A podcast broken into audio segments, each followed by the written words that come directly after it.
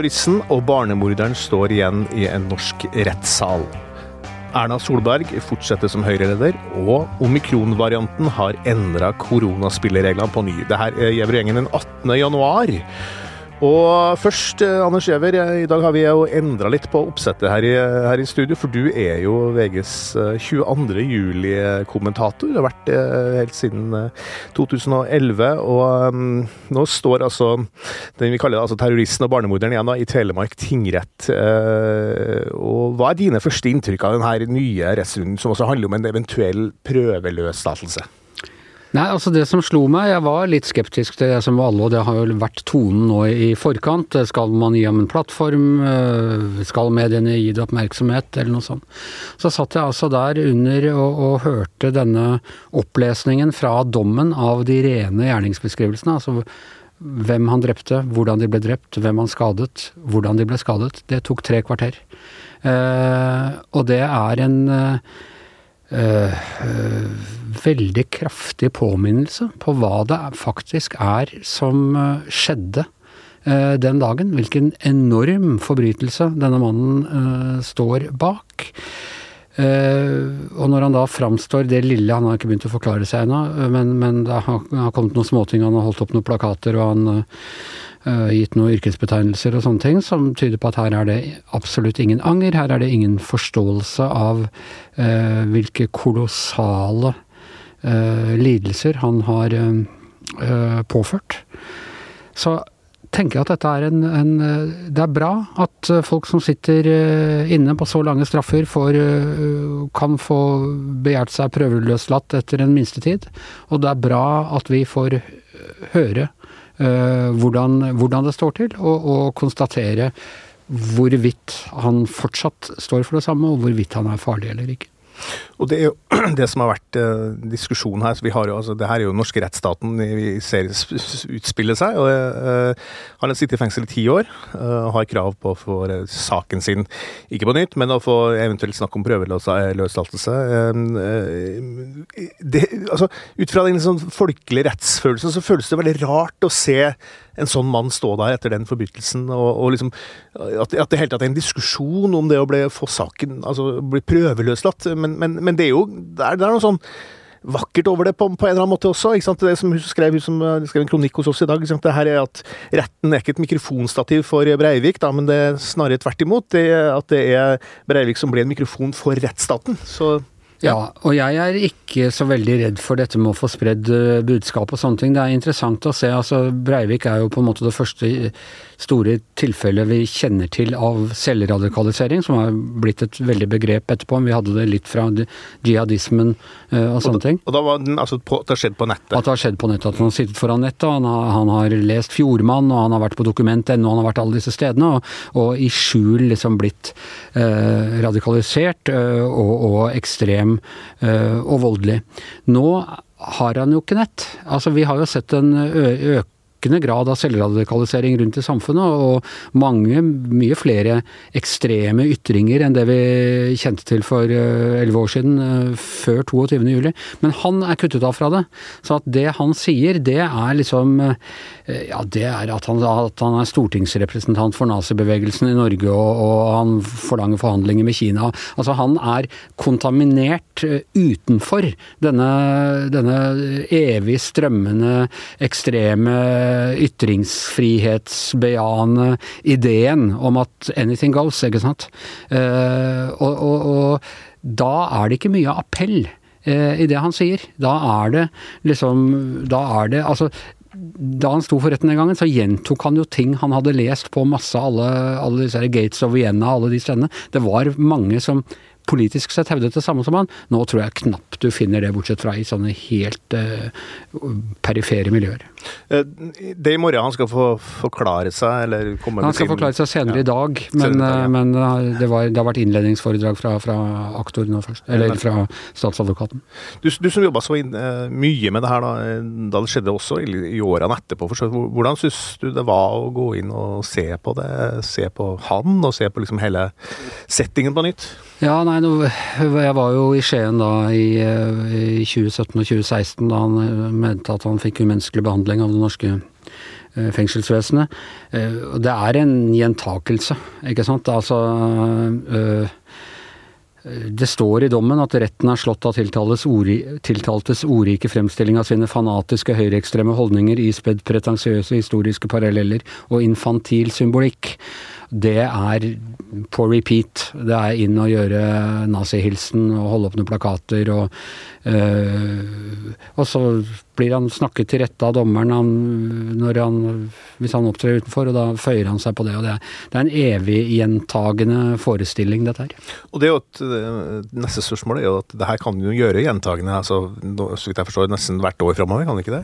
Kreve. Eh, jo, han kan, altså, han kan kreve seg prøveløslatt med, med visse intervaller. Det er jo hadde han blitt kjent utilregnelig, eh, så hadde han jo kunnet hevde at han var frisk etter ja, tror bare allerede to år. Og, så forlangt ny eh, evaluering, og, da måtte han evalueres kontinuerlig. Her er det da eh, retten som setter grenser for det. Nå er jo reglene forandret, så at altså normalt skulle han ha sont to tredjedeler av tiden hvis, hvis, denne dommen var kommet senere, skulle han sont to tredjedeler av dommen før han, uh, før han kunne be om uh, prøve, prøveløslatelse. Men jeg tror ikke rettsvesenet har noe vondt av å prøvekjøre denne saken. Er det noen sjanse for at øh, han blir prøveløslatt? Nei, Det tror jeg ikke. Det har jeg ikke inntrykk av at forsvareren hans tror. Uh, men jeg må jo si at altså, Storvik er, som er en uh, dyktig jurist, og han snakker om prinsippet om progresjon. At altså en, en fengsel, en straff i Norge skal også ha en rehabiliterende virkning. Og at uh, det er jo viktig å få prøvet om om den har det.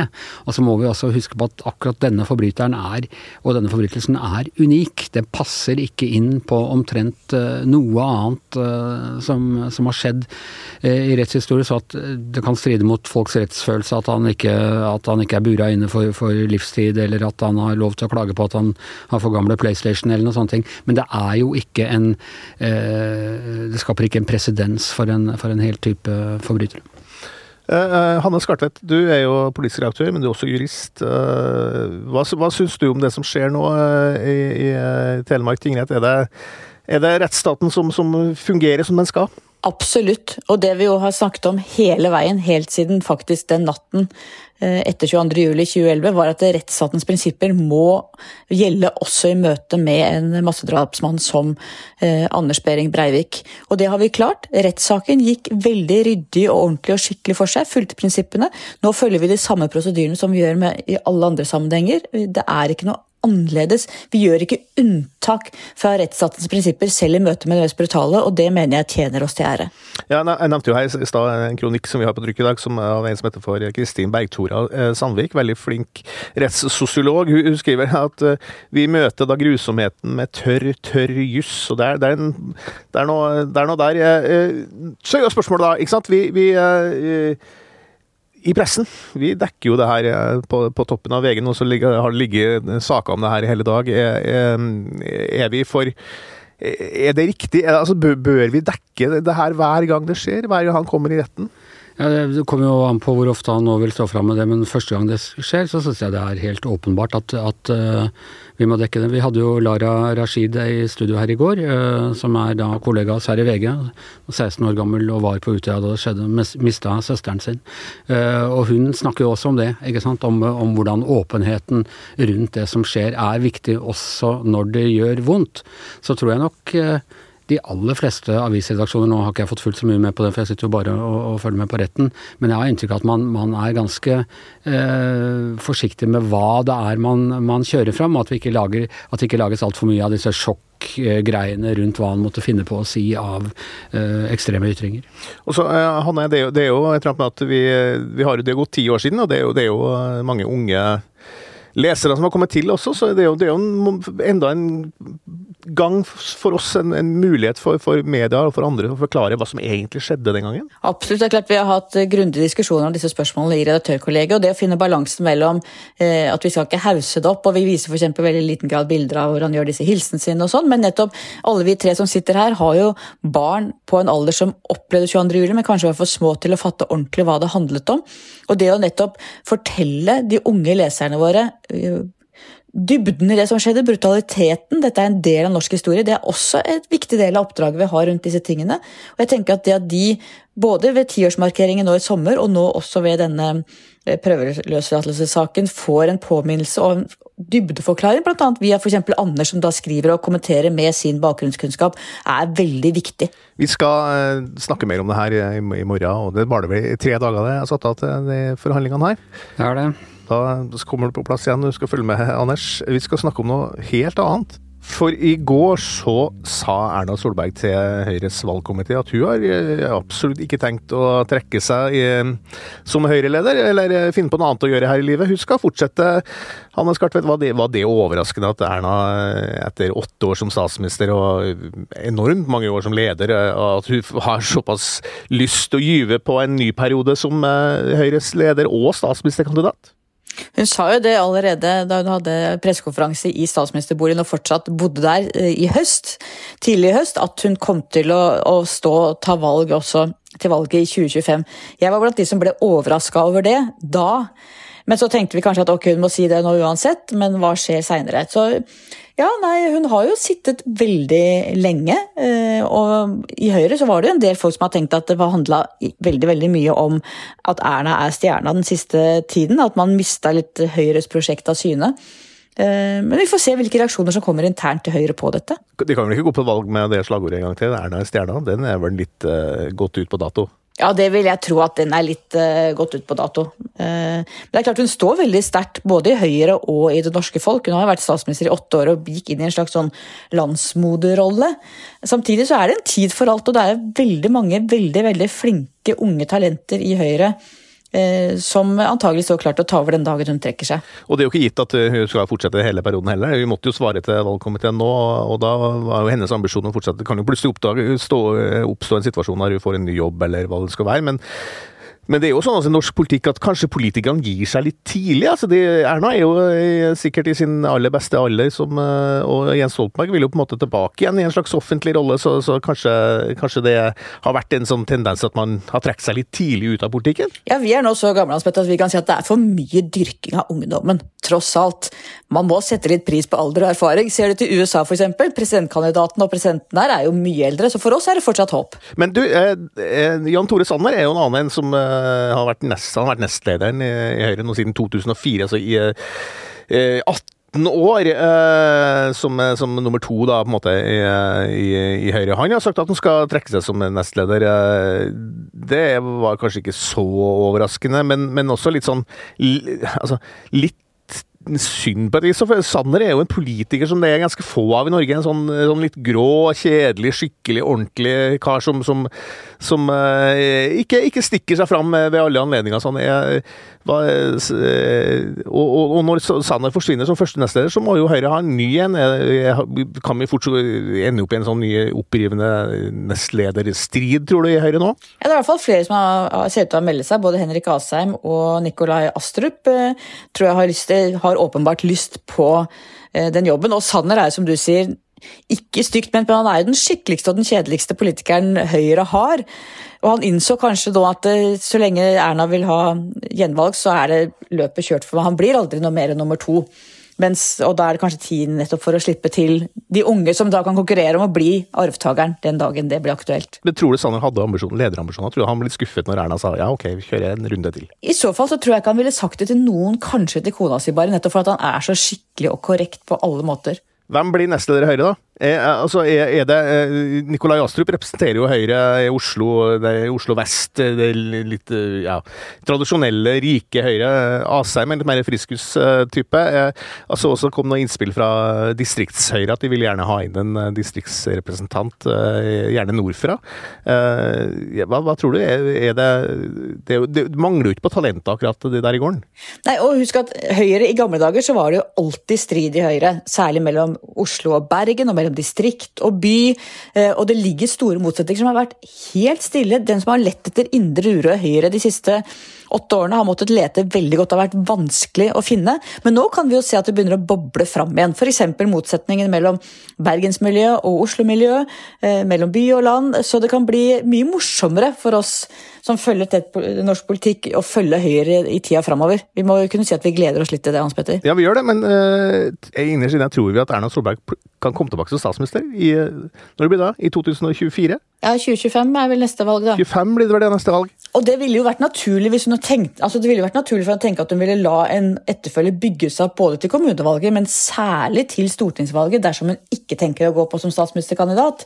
Eh, så Derfor er det litt overraskende at hun går på videre. Det tyder på at hun faktisk har tenkt å gjøre som hun har sagt, nemlig å stille som Høyres statsministerkandidat i 2025.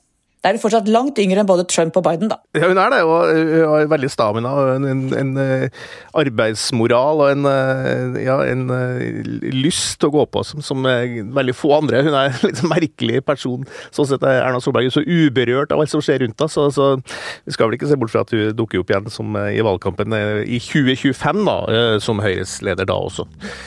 Vi eh, skal, må ha en runde om, eh, om, koronaviruset også, fordi eh, det har skjedd noe helt altså, Jeg tror ikke vi klarer helt å, å begripe at, eh, at, vi er nå over en helt annen situasjon.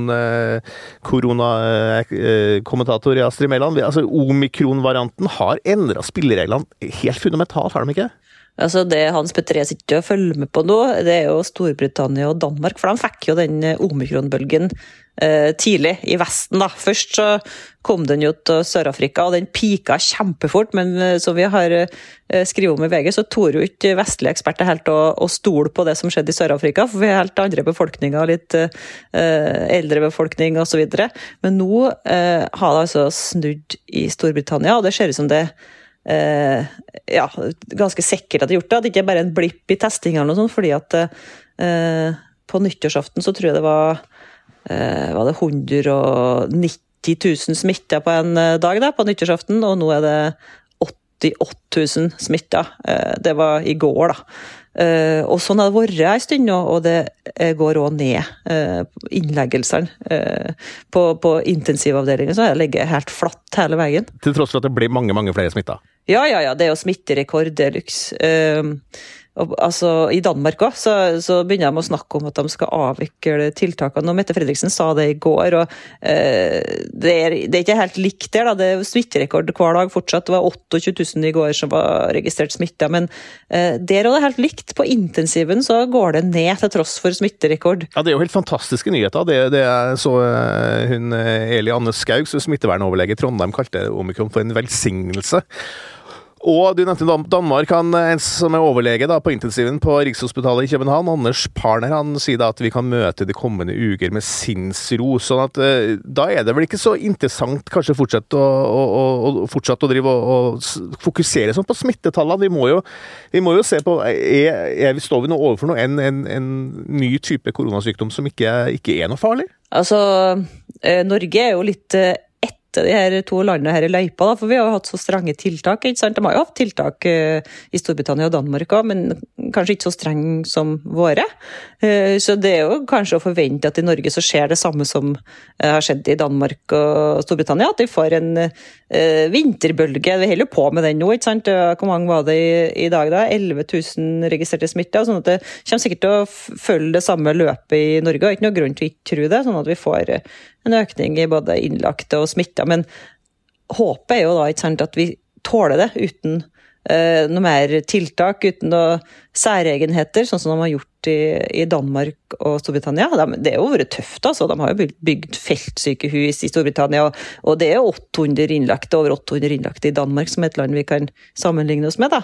Uh, det er da både med og av covid, eller korona. Uh, så brukne, folk med brukne bein er å telles med, da, det skal sies. Men tøffe tak, men altså det ser ut som vi står an av fordi vi har så mye mer immunitet enn vi ha i fjor. Vi må vel kunne si Astrid, at, at, Hans Petter er vel den mest optimistiske og mest den som i størst grad på vår avdeling omfavner alle lyse, gode nyheter. er det grunn til å være så optimistisk som Hans Petter Sjøli er? Jeg føler, føler jeg blir overprøvd der. Da må bare presisere at det er fordi at vi er kommet så langt i pandemien og at vi er så godt vaksinert. Ja, Absolutt, du er ikke noe antivaks eller noe som helst. Nei, nei, nei, nei, men du bare blir så glad. Jeg bare synes det er så hyggelig å se hvordan du liksom Enhver god nyhet så blir Hans Petter sånn Yes, nå er det snart over. Nå kan vi begynne å leve normalt. Nå blir livet godt igjen. Må sitere han den samme overlegen fra Danmark som jeg sa i stad. Han som sier at, uh, at uh, det er jo sånn at, at, det ikke er noe uh, fare for Altså at omikron kommer ikke til å belaste intensivavdelingene. Altså det, det, vi er over i en helt ny fase, da. Og, og det er også i,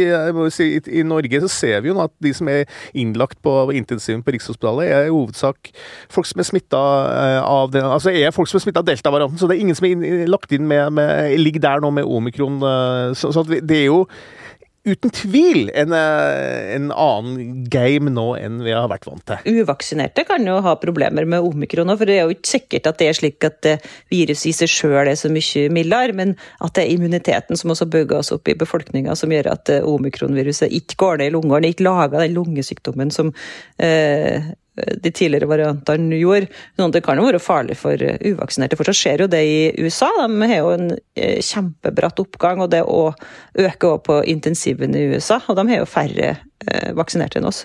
Og I Frankrike og for øvrig så går det opp på intensiven, og de har jo ganske mange vaksinerte. Omtrent like mange som oss, så det er liksom ikke helt brennsikkert nå ennå. Vi vi skal, nei, vi skal ikke være brennsikre. Vi har vært brennsikre underveis i pandemien, og det skjer stadig ting. Men det, det kommer jo også signaler fra FHI om at man tror da gjerne at, at virusvariantene blir mer smittsomme og mindre, mindre, farlige med tida, sånn at eh, kanskje eh, det der verste tida er over. Er bare siterer igjen hun eh, smittevernoverlegen i Trondheim som sa at omikron er en velsignelse, og ikke engang eldre på sykehjem opplever det som kraftigere enn en lett neseforkjølelse. Så, så vi er i hvert fall Jeg tillater meg, Hanne og Astrid, å være veldig optimistisk akkurat nå. Jeg, jeg, jeg syns det var veldig riktig å stenge ned før jul da omikron kom, fordi det var en veldig veldig ubeskrevet eh, variant. Vi visste ingenting om det, også, men nå vet vi utrolig mye mer, og det ser veldig lovende ut. Eh, det kan vi jo, kan vi jo konkludere, kan vi ikke det? Jeg er enig, Hans Petter. Og så er jo det at eh, de på, på gamlehjem som du snakka om, de er jo vaksinert, dem òg. Så det er jo det at vi er så immun som gjør at vi kan takle. Og Det betyr at vi er mye bedre rusta framover. Det kan komme nye varianter, men vi har den immuniteten i bunnen som antageligvis vil virke da òg. Det her er nydelig. Jeg syns vi skal slutte av på den måten der. Det er litt Det har jo vært en, eh, et par veldig tunge år. Jeg kjenner sjøl at jeg er veldig, veldig lei av, av eh, koronarestriksjoner og alt det der. I studio i dag, jeg, jeg som har vært reserveprogramleder i dag, da, Hans Petter Sjøli og Anders Giæver var innom her. Og med på hjemmekontorene sine, Hanne Skartvedt og Astrid Mæland. Og um, mannen som er en velsignelse for denne podkasten, er Magne Antonsen, vår produsent. Og vi høres igjen i morgen.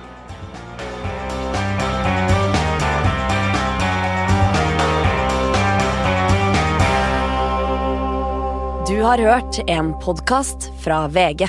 Ansvarlig redaktør, Gard Steiro.